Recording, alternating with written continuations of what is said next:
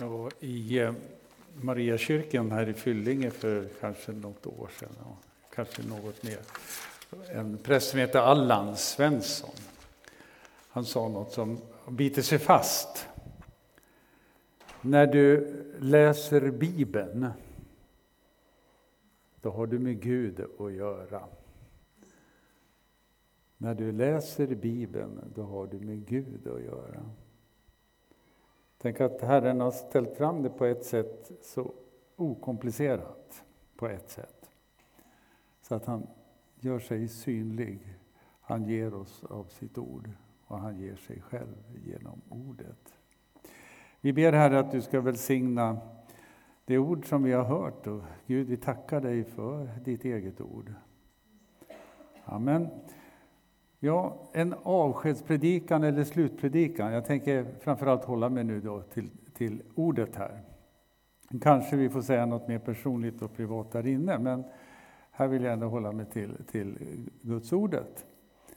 Och jag har liksom två delar i det jag vill dela här. Det ena är då en, en kommentar. Vi gör några nedslag i den text vi har hört, Apostlagärningarna 1. Det är bra att arbeta sig igenom Bibeln systematiskt. Gud välsigne er. Så nu är det Apostlagärningarnas tur. Och nu får jag nåden att eh, säga någonting kort om just första kapitlet. Ehm, apostlagärningarna kan ju heta praxeis på grekiska. Ni hör, det är inlånat. Eller varför inte den engelska varianten, acts. Handlingarna, gärningarna. Det är sen menat den första kristna kyrkans gärningar. Här kan vi höra, och det finns en översättning som är viktig här.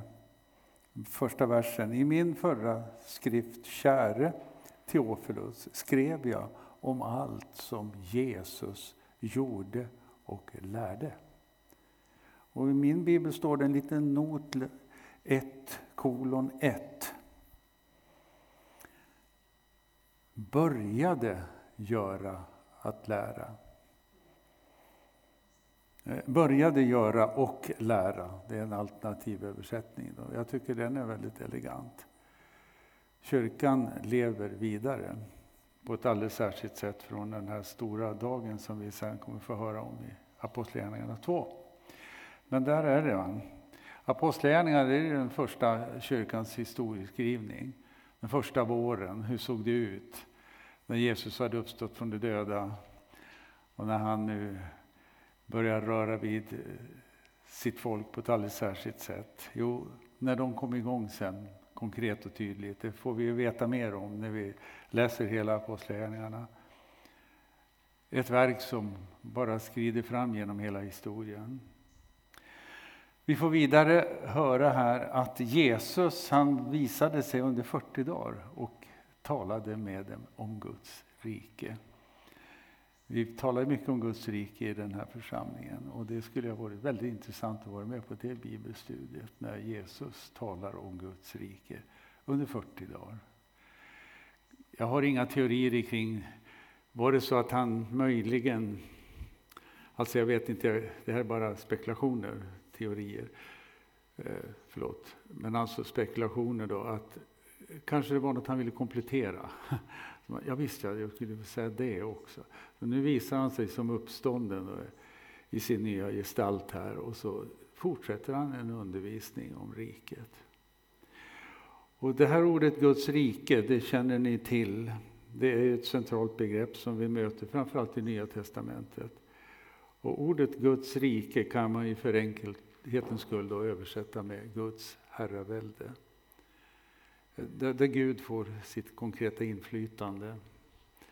Där kan vi skönja Guds rike. Ibland väldigt osynligt också verksamt, men också ibland väldigt synligt. Man kan säga så här också att Apostlärningarna 8 borde väl ha väldigt många nedslag då. Citat, Guds rike, Guds rike, Guds rike, Guds rike. Men vad hittar vi? Ja, vi hittar åtta ställen i hela Apostlagärningarna. I 16 kapitel alltså. Och då undrar man, nu ska vi se, nu kanske jag tog i här, mitt minne är lite blekt ibland, jag menar 28 kapitel. 28 kapitel och vi hittar åtta ställen. Så här kan det låta i första kapitlet som ni redan har hört. Då. Han talade med dem om Guds rike. I vers 6 är det tid nu att upprätta riket åt Israel. Och det är en verklig öppning, men det hinner vi inte gå in i. Israel är i allra högsta grad inblandat i det rike som en gång ska fullt ut manifesteras. I 8.12, om vi bläddrar fram om vi har biblarna med. 8.12 har vi nästa ställe. De är ju så få så vi kan läsa dem allihopa. 8 och 12.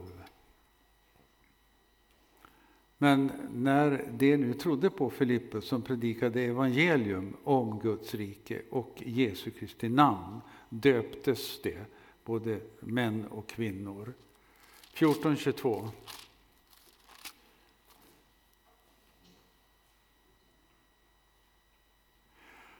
och styrkte lärjungarna och uppmanade dem att förbli i tron. De sa att vi måste gå igenom många lidanden för att komma in i Guds rike. Det luktar lite framtid där. Va? Finare ord, eskatologi. 19.8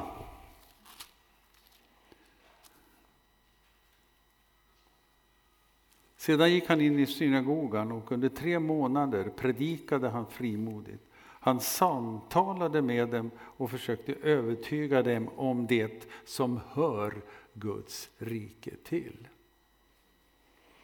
2025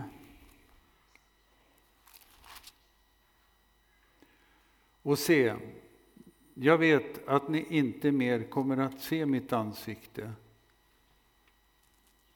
Oh, oh, fel slag. Ja, vänta, ska se.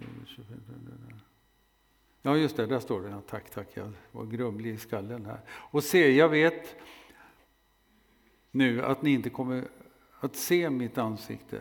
Alla ni som jag har gått omkring hos och predikat riket för. Alltså talat om Guds herravälde på olika sätt kapitel 28.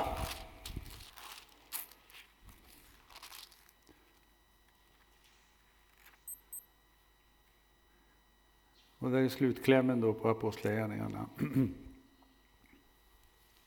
Vers 23. Den bestämde en dag för honom och då kom ännu fler till hans bostad. Paulus hade en husförsamling och hade en ganska fri tillvaro ändå som eh, i husarrest kan man säga, men han fick ta emot människor. Han undervisade och där heter det, för dem förkunnade han Guds rike och vittnade om det. Och han försökte övertyga dem om Jesus. Både utifrån Mose lag och profeterna. Och det höll han på med från morgon till kvällen. Heja långa bibelstudier. Och sen eh, sista versen. Han predikade Guds rike och undervisade med stor frimodighet om att Herren Jesus Kristus, om Herren Jesus Kristus utan att bli hindrad. Åtta ställen. Det är så att jag har lagt ut här en, en eh, översikt hämtad från en, eh, ja, man säga, en konkordans, en, en, en, bok som hänvisar till olika bibelställen. Det är bara några extra, du brukar inte gå åt det men jag lägger ut, men jag la ut tio stycken. Men här är det alltså en bild över samtliga bibelställen i Nya Testamentet som tar upp begreppet Guds rike eller himmelriket. Och där ser man klart och tydligt att um, de så kallade synoptikerna, Matteus, Markus, Lukas, de um, har många träffar. Det är många ställen där. Där talas det mycket om Guds rike. Men sen när man tittar vidare i Nya Testamentet så blir man rätt förvånad över att eh, den bilden förändras. Ni hörde i Apostlagärningarna åtta ställen, Johannes evangeliet fem ställen i hela evangeliet som nämner Guds rike. Och går man sen in i, i brevlitteraturen så är det väldigt sällan förekommande citat Guds rike. Romarbrevet ett enda ställe. Guds rike består inte i mat och dryck, utan rättfärdighet, frid och glädje i den helige Ande. Eh, första Korinthierbrevet fem tillfällen. I Galaterbrevet 1, Efesierbrevet 1, Kolosserbrevet 2 och så vidare. och så vidare. Det är bara fåtals tillfällen där man då talar om Guds rike. Och nu kommer en tes som jag inte vet om den håller. Eh, man kan alltså säga att eh, i Nya Testamentet hittar vi, jag är lite nörd på det här, för jag gillar såna här överblickar om möjligt. Va? Eh, 148 träffar som talar om Guds rike. Det är alltså hela Nya Testamentet. Och vi säger då att det, i hela Nya Testamentet finns 8000 verser. Så 148 gånger möter vi Guds rike, på ett eller annat sätt rent bokstavligt uttryckt. Och det blir alltså ungefär 1,85 procent av hela textmassan, där du kan liksom läsa ut det. Vad det nu har för betydelse, men så tänker jag, man måste ta någon slags respekt eh, här eh, och, och jobba efter helheten och bilden. Nåväl, och då kommer tesen. Varför är det så här? Nu kan jag inte säga att så säger Herren, jag har inte hittat den kommentaren någon annanstans. Jag hittar den i min egen hjärna. Varför är det så mycket sagt av Jesus i synoptikerna? Alltså evangelierna utom Johannes evangeliet. Varför är det så mycket tal om Guds rike ändå? Om vi tänker oss lite generöst. Och så lite i resten, och så lite i apostlagärningarna. Här kom tesen. Kan det vara så här att Jesus han skissar upp Guds rike i komplexitet, för det är det verkligen tal om. Mängder av anspelningar, liknelser och antydningar. Det är inget entydigt egentligen, det är ett storslaget, storslaget eh, scenario som målas fram. Men det är på något sätt som att här visar sig, i de här exemplen, Jesus säger så då, hur Guds rike kan eh, tolkas, tydas, eh, erfaras. Sen efter pingsten är det igång. Då behöver inte tala om det, då gör vi det bara. Då lever vi i Guds rike. Är det därför det är så få, underförstått alltså, Guds rike manifesterat, så få ställen beskrivna? Ja, fattar ni tanken? Vad jag är ute efter? Det är alltså Guds rike omsatt i praktiken och det tycker jag stämmer när apostlagärningarna går igång och särskilt efter pingsten, då rullar det. Då är herraväldet på G. Genom kyrkan, genom Guds egen andes mäktiga kraft också. Som går långt utöver vad vi förmår och kan göra, som ni vet, bibelordet. Ja, det är en tanke. Vill ni ha det här som ett stöd för er egen reflektion? Det finns tio ex där nere, först till kvarn. De brukar inte gå åt. Gode Gud, låt dem gå åt. Ja, jag, jag välsignar er in i nördtillvaron att ägna lite tid åt Guds ord i lugn och ro och spana spåna friskt. Ja, sen kommer vi in då i den här underbara eh, antydan då om Andens dop. Det är substantiverat uttryck, men det finns ju inte i Bibeln, utan det är ju mera verbformer vad jag menar med det där nu då. Johannes döpte med vatten, men ni skall om några dagar bli döpta i helig ande. Det är alltså verbform vi pratar om. Jesus döper i helig ande, eller ni skall bli döpta i helig ande. Det är aktivt, det är verb vi pratar om. Dop i helig ande kan man ju naturligtvis använda som en term, men den termen finns inte som substantiv i Nya Testamentet så vitt jag vet. Vad, vad är det för poäng med det här nu? Jo, det är ett liv vi pratar om. Och jag gillar Johannes-varianten där han säger att när den helige Ande kommer, då skall han se till att ni är, blir döpta. Eller ännu mer konkret, han döper er i helig Ande. Det är ett, det är ett, alltså ett autentiskt liv som är igång, som, som pulserar med, kristet liv, Guds rike och som påverkar människan och hennes omgivning. Men det är helt avgörande om, om, om vi får öppna upp för just Herren på den här punkten. Man kan säga så här lite förenklat, att en del har en relation till Gud som Fadern, skaparen. Den är inte frälsande egentligen, men när man gillar skapelsetanken så kommer då andra personen i gudomen och stiger fram, det är Jesus själv. Och när man får en relation till Jesus som frälsaren, då öppnar sig evangeliet, då öppnar sig frälsningen.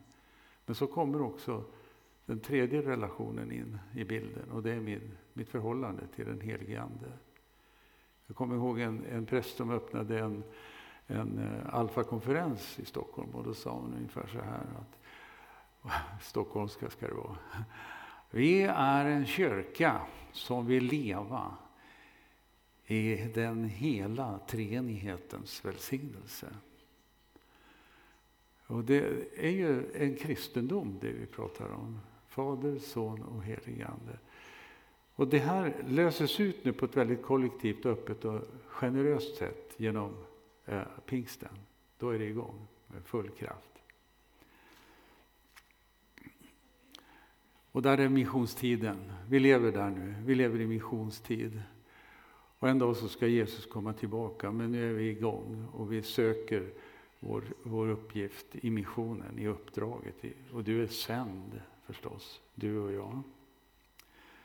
Men det här var vad som sades. Och nu är alltså i Apostlagärningarna 1, nu är laddningen in i bönen. Och då kommer en speciell, speciell period, tio dagars bönen mellan de här 40 fram till 50 dagen. Och där är man i samlad bön, 120 pers, och man beder förmodligen dag och natt och söker den där löftesuppfyllelsen, att den skulle komma. Och den kom, och det får ni höra mer om i Apostlagärningarna 2. Men sen är det på rull, och då är missionstiden verkligen absolut igång, fram till dess Jesus kommer tillbaka. Den där tiodagarsbönen är en intressant historia. Det, det, kan man ju leka med om man vill följa kyrkåret något sådär. Du har passionstiden, du har hela dramat kring påsken och sen efteråt kommer ju då eh, en, en vänteperiod fram till pingsten. Och de allra sista dagarna innan pingstdagen kan man ägna sig åt särskild bön under tio dagar. Det gör katolikerna. De har en särskild tio dagars bön. Och eh, det finns särskilda böner kring det där man liksom uppmanar församlingen att, att vara uppmärksam på den helige Ande. Sen kommer vi in då i det vi kallar för trefaldighetstiden. Då, då är vi igång och praktiserar. Då är vi praxeis. Då är vi i apostlatid. Här och nu. Så kan man leka med tanken. Men vi kan nog absolut säga att den femtionde dagen, då kom kyrkan igång. Då kom hon igång. De var samlade, de var formerade, de hade inte fått den här invärtes eh, specialkraften som kallas för den helige Ande. Men den kom, han kom, han kom. Hela treenigheten är på plats. Fadern älskad, Sonen älskad, Anden älskad. Och nu lever kyrkan. Och det är intressant att se hur Petrus vänder om från förtvivlan och uppgivenhet, ni känner ju till detta, till en, en frimodig predikant. Och då är det också intressant vi ska inte dra någon storlans i det. Men vad är det de säger när de är igång? Gissa. Vad tror du de talar om? Mm. De pratar om Jesus, hans död och uppståndelse och grundar verkligen läget och erbjuder förvirrade, vilsna människor att kliva in på klippegrunden och bara känna, nu står jag här, nu är jag hemma, wow, nu bär det. ja. Och kyrkan är igång sedan den 50 dagen. Och bara kuriosa, ni vet ju att ordet pingst är inlånat från grekiskan pentekoste, som just betyder den femtionde. Och det, det hinner vi inte gå in i detaljer där, men det är i alla fall en finess i detta. Pingst kommer från grekiskan, betyder den femtionde. Vi tänker på det här med pingsten. Och vi är pingstvänner allihopa, och julvänner och påskvänner och allt vad vi är. Ja, och nu är det igång alltså och verkar. Kyrkan kommer nu.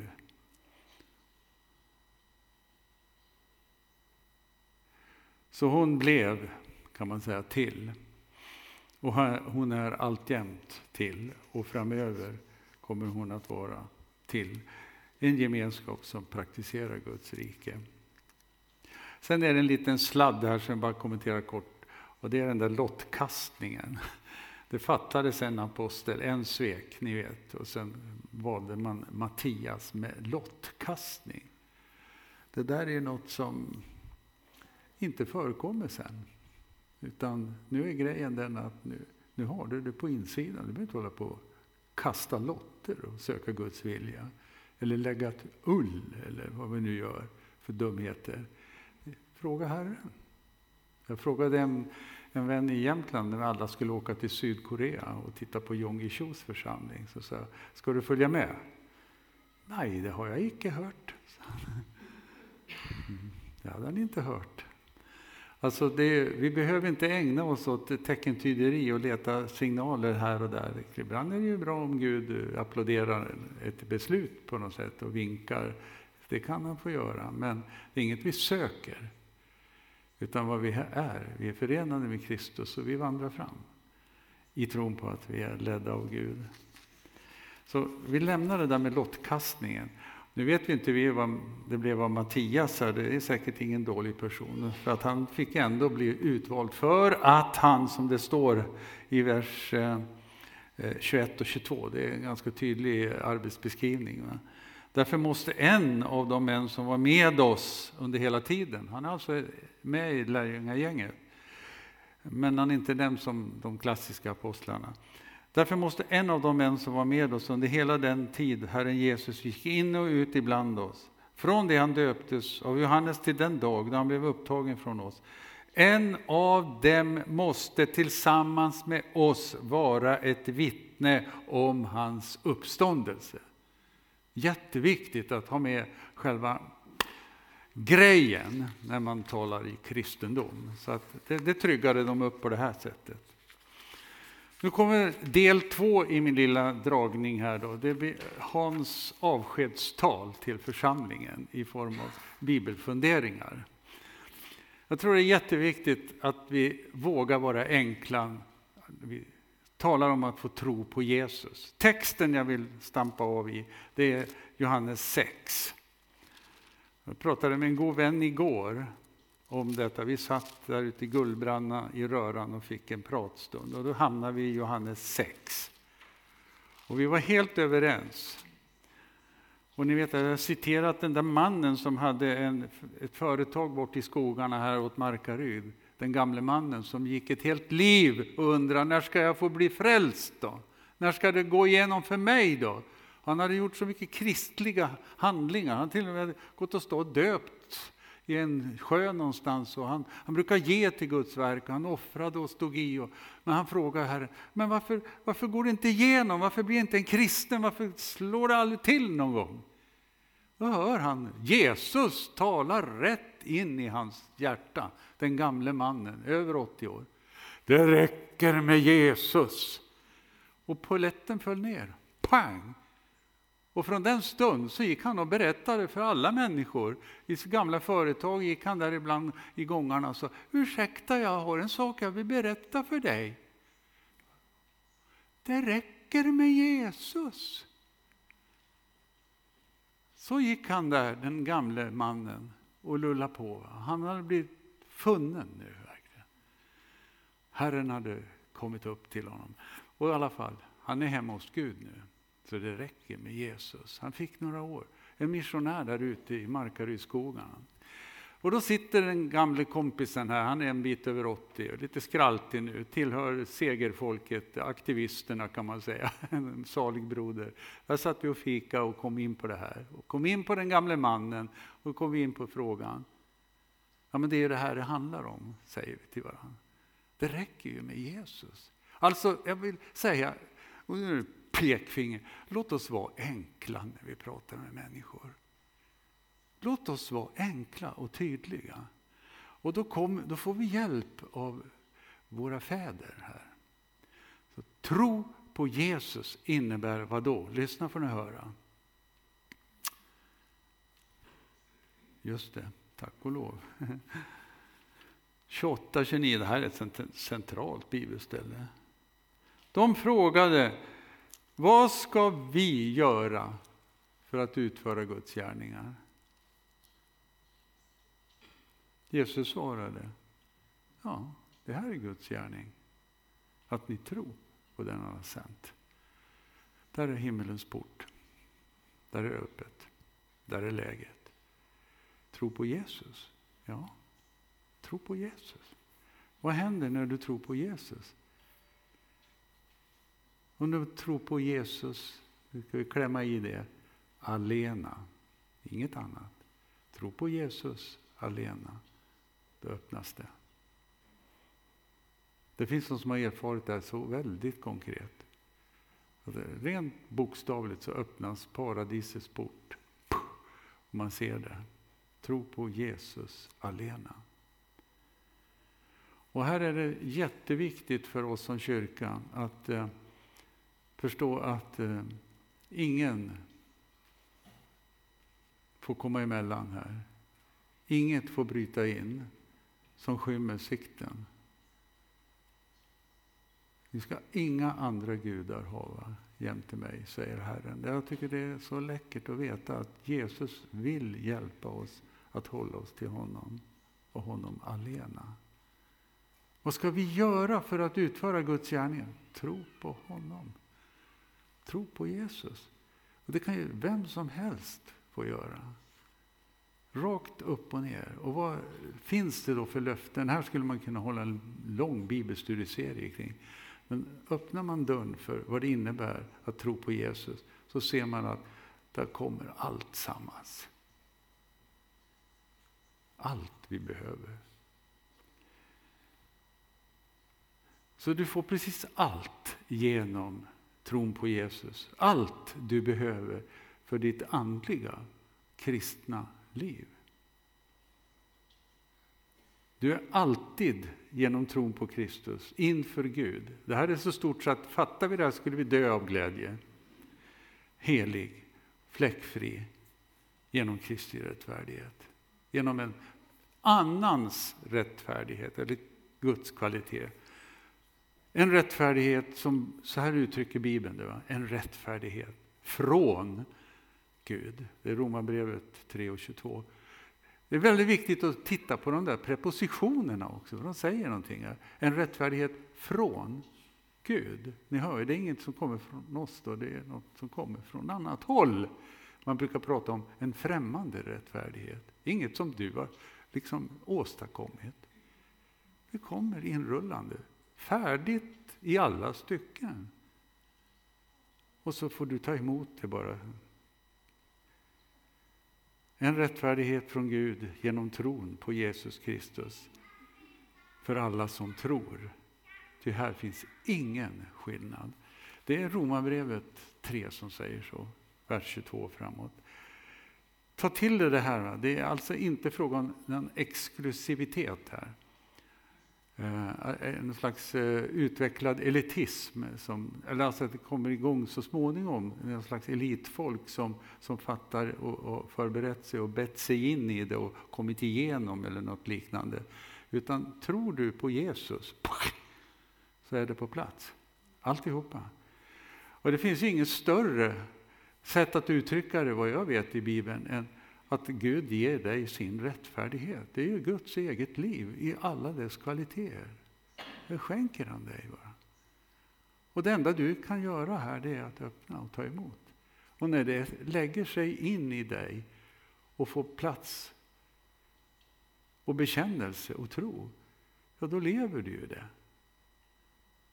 Trots vad du upplever av dig själv av ringhet och fattigdom och torka och ni vet allt det där, störningar och köttet. Nej, det är ingen som fattar vad jag pratar om när jag pratar om köttet här. Jo, men alltså så, så, här är det. Det här är kristendom som vi måste ständigt liksom bara föra vidare hela tiden. Föra vidare, för det vidare. Och hör, hör de här uttrycken igen. För alla som tror. Alla inkluderade. Det här har jag haft jättesvårt med. Jag hörde från början när jag var kristen att nu är du bara Guds barn. Nu ska du söka Andens dop så att du får ta emot den helige Ande. Och jag köpte den sanningen och jag bad som en häst om att få Anden. Men jag fick ingen ande. Jag fick bara mörker och tvivel Och böner som slog upp i tak och ner i huvudet igen. Och jag tänkte, vad händer? det händer ju ingenting med mig. Jag var som en gråsten. Jag skulle kunna berätta mycket om min kamp där på den där punkten. Nu läser jag evangeliet och nu ser jag att har jag tagit emot Kristus så har jag fått allt vad jag behöver. För alla som tror. Alltså tron är nyckeln. Och vad är då tron? Här? Ja, det är att inte hålla på och rota i ditt eget, utan öppna för det som är färdigt och klart i Kristus.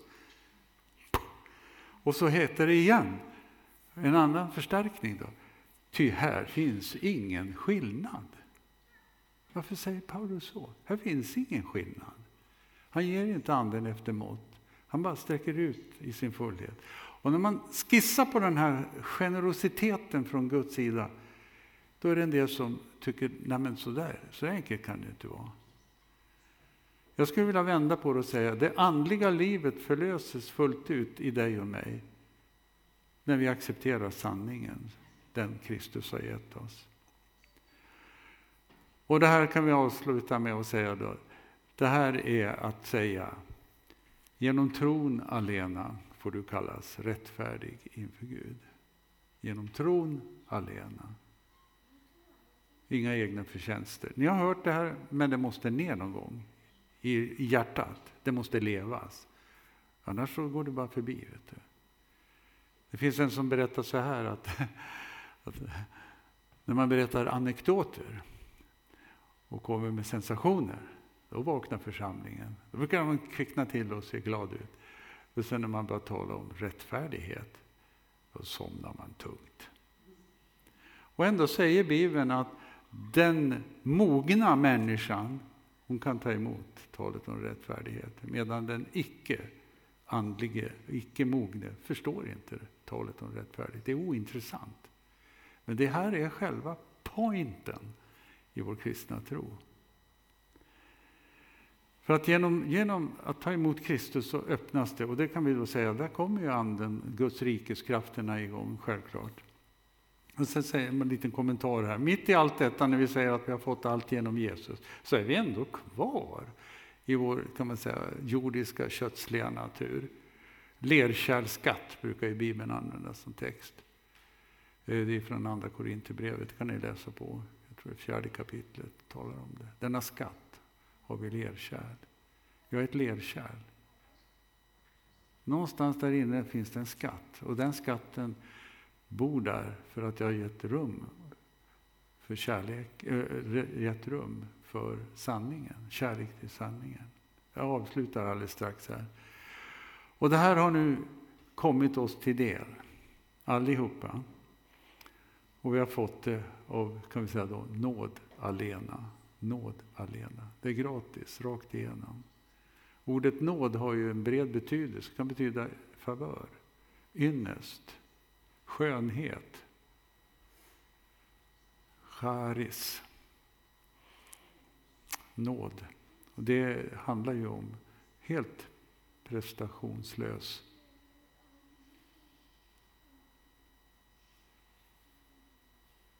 öppning för Gud. Och det här känner ni till, det är inne i bara några meningar kvar. Av hans fullhet har vi alla fått nåd och åternåd. Det är, först, det är Johannes evangeliet, första kapitlet, 16 vers. Av hans fullhet har vi alla fått. Det jag har tänkt som en, en, en, kamp för mig, kanske för dig, det är att komma in i det som Bibeln säger att jag redan har fått. Protesterna sitter ofta i mitt huvud, i mitt förstånd, för jag kan inte förstå att det kan vara så rakt och enkelt och öppet. Och mitt sinne behöver förnyas i den meningen att färgas av bibelordet. Och vi kan inte hitta beskrivningarna om vilka vi är i denna eh, gåva i Kristus annat än i Bibeln och i synnerhet Nya Testamentet. Och det här måste vi få säga också. Lita på Guds ord. Och då har vi ytterligare en mening med oss här. Ordet alena. Allan Svensson påminde oss om att om du läser Bibeln, då har du med Gud att göra. Ibland har jag tänkt när vi säger vi ska öppna dig för Guds närvaro. Du får komma nu. Du som känner att det är fattigt i ditt liv, kom nu till förbön så ska du få möta Gud. Och så går du fram i förbön, kanske du får uppleva en underbar frid. Kanske det som, ofta för mig i alla fall, jag får förbön och känner ingenting. Jag går därifrån lika, en gammal gråsten, går och sätter mig bluffs. Låter tråkigt kanske. Men, och då undrar jag, är, är det där något att hålla på med? Jag menar i relation till, till, till Bibeln som säger sanningen om vem jag är och vad jag har fått. Och jag får inte tag i det här på annat sätt än att hålla mig till Bibeln. Och det är kanske lite strängt att säga, men en församling som inte läser Bibeln kommer aldrig att fungera som Kristi församling. En församling som inte har kläm på vad evangelium handlar om kommer aldrig att fatta vad det innebär att vara kristen. Och det finns ingen anledning att berätta för andra om kristendomen bara är en tråkighet för dig. Att försöka vinna andra för detta som du inte själv vill ha med att göra eller förstår eller är ointresserad av. Men det kan ju hända att det kommer en tid nu snart då människor börjar söka sanningen, källan själv. Och då kommer det här med ordet in. Jag var väldigt vilsen i slutet på eh, 60-talet. Jag var färgad av den där man säga, on the road-generationen. Det var lite flum och det var lite både det ena och det andra. Och sen var det väldigt mycket andlighet åt olika håll. Så jag har inte varit kristen hela livet. Jag kan säga, om man ska använda termen, jag var en, en durkdriven new age men det hette inte så på den tiden. Men jag var väldigt trasig och väldigt förvirrad och väldigt splittrad. Jag går och söker upp en präst, jag tänkte att jag kan få prata med en präst. Och jag berättade vad jag höll på med, TM och I Ching och yoga och ditten och datten. Och hade en massa fobier och dödsskräck och allt vad det var. Så går jag till den här mannen och berättar för honom vad jag höll på med. Och han lyssnade. Och så säger han med ett inåtvänt leende, det är Martin Lönnebo. Du kommer att finna Kristus.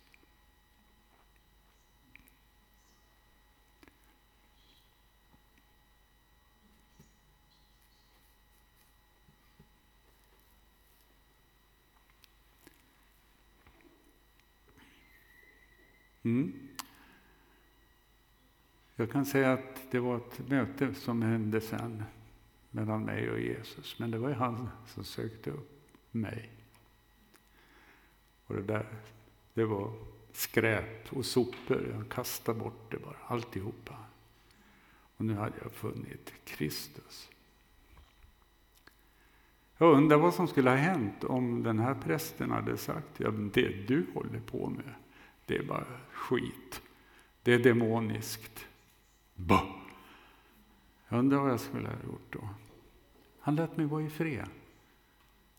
Du kommer att finna Kristus. Det gick några år faktiskt. Jag kommer ihåg det så väl. Var försiktig, säger jag till mig själv när jag möter människor. Och vi tror att vi ibland kan dra folk in i Guds rike. Det funkar inte så. Det är bara en som kan det.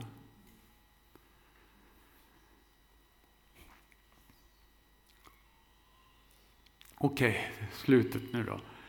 När Kristus kommer till dig, det är inget som är självklart här i salen, när han kommer, då kommer ordet in på plats.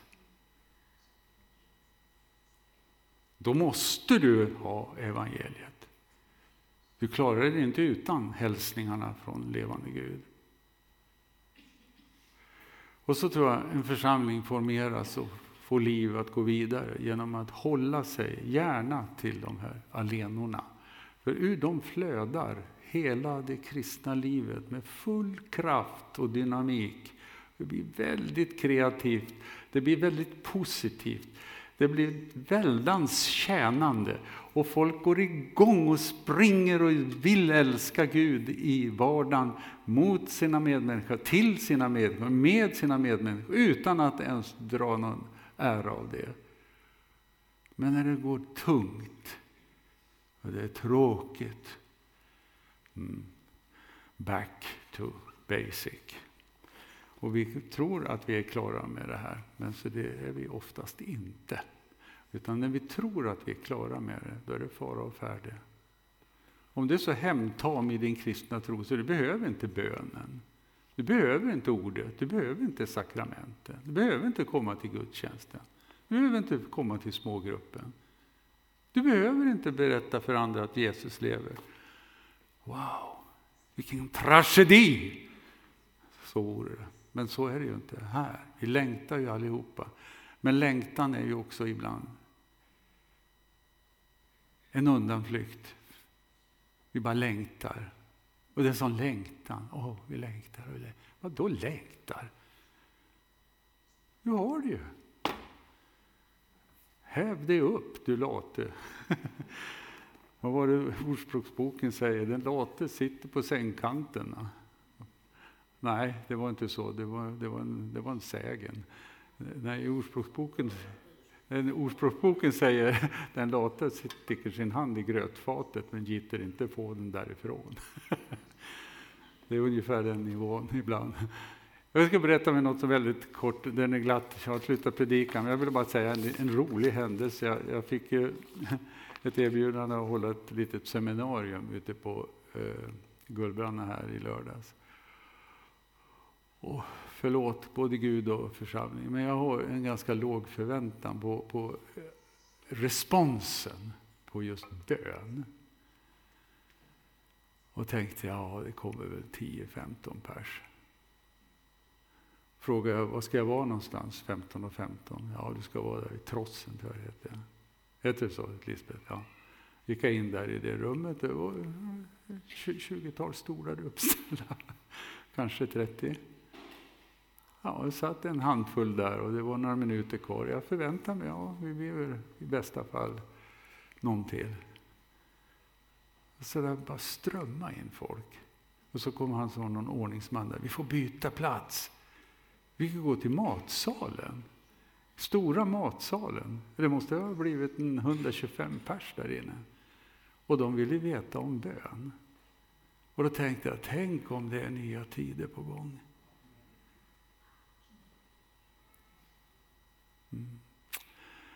Hörrni, ta vara på det ni har. Kristus. Nu ber vi tillsammans. Och jag vill också säga så här, Jonathan och jag ska kommer efter nattvarden att bilda en liten smörjelsestation med olja. Så känner du att du vill knyta upp kontakt med Kristus och längtar efter det, så kom fram så ska vi få be för dig och smörja dig i olja. I Jesu namn. Ja, så tackar vi dig far, det var en lång predikan här, men mm, tackar dig ändå för att vi fick dela ordet. Och vi ber dig, låt det liksom gå i rot i våra hjärtan med detta. Nu att det får spira och gro, Herre. Bevara oss, Herre, i ett gott andligt tillstånd allihopa, Herre. Hjälp oss att leva i dig, Jesus Kristus. Amen.